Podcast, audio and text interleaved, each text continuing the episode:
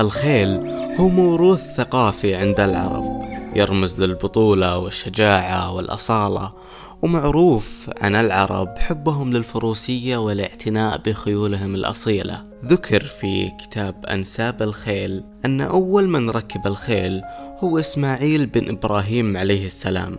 كانت الخيول وحوش تعيش حرة طليقة ولا تركب. بالعكس كانوا الناس يصيدونها للأكل. حتى سخرها الله عز وجل لإسماعيل وجعلها لخدمته. حرص العرب على حفظ أنساب خيولهم وما تختلط دماءها مع باقي الخيول الهجينة. الهجين هو الحصان اللي ولد من أم أجنبية وأب عربي. الخيل هو رمز ديني أقسم الله عز وجل في سورة العاديات بالخيل. حتى أن الرسول صلى الله عليه وسلم كان محب لها إذ دعا بأن الله ينزل حب الخيل في قلوبنا ووصفها بالخير.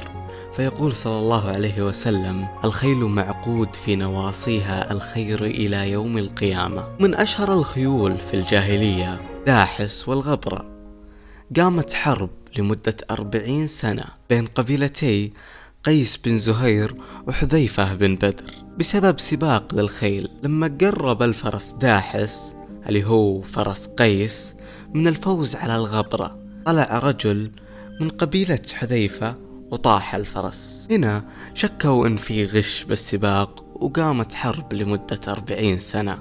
ومن الأشهر الأبجر فرس عنترة بن شداد واللي ياما تكلم عنه في قصائده.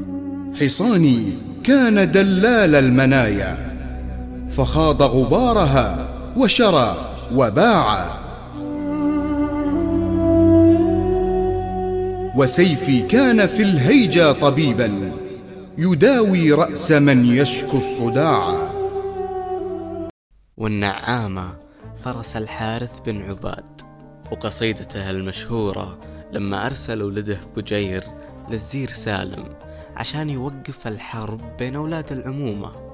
قال بجير ولد الحارث بن عباد للزير اقتلني بدل أخوك كليب ووقف الحرب. كانت الصدمة للحارث بن عباد. لما جابوا جثة ولده قالوا بأن الزير قتله بشسع على كليب هنا قال الحارث بن عباد قصيدته. أين النعامة؟ أين فرس النعامة؟ قربوا مربط النعامة مني قربا مربط النعامة مني لجبير مفكك الأغلال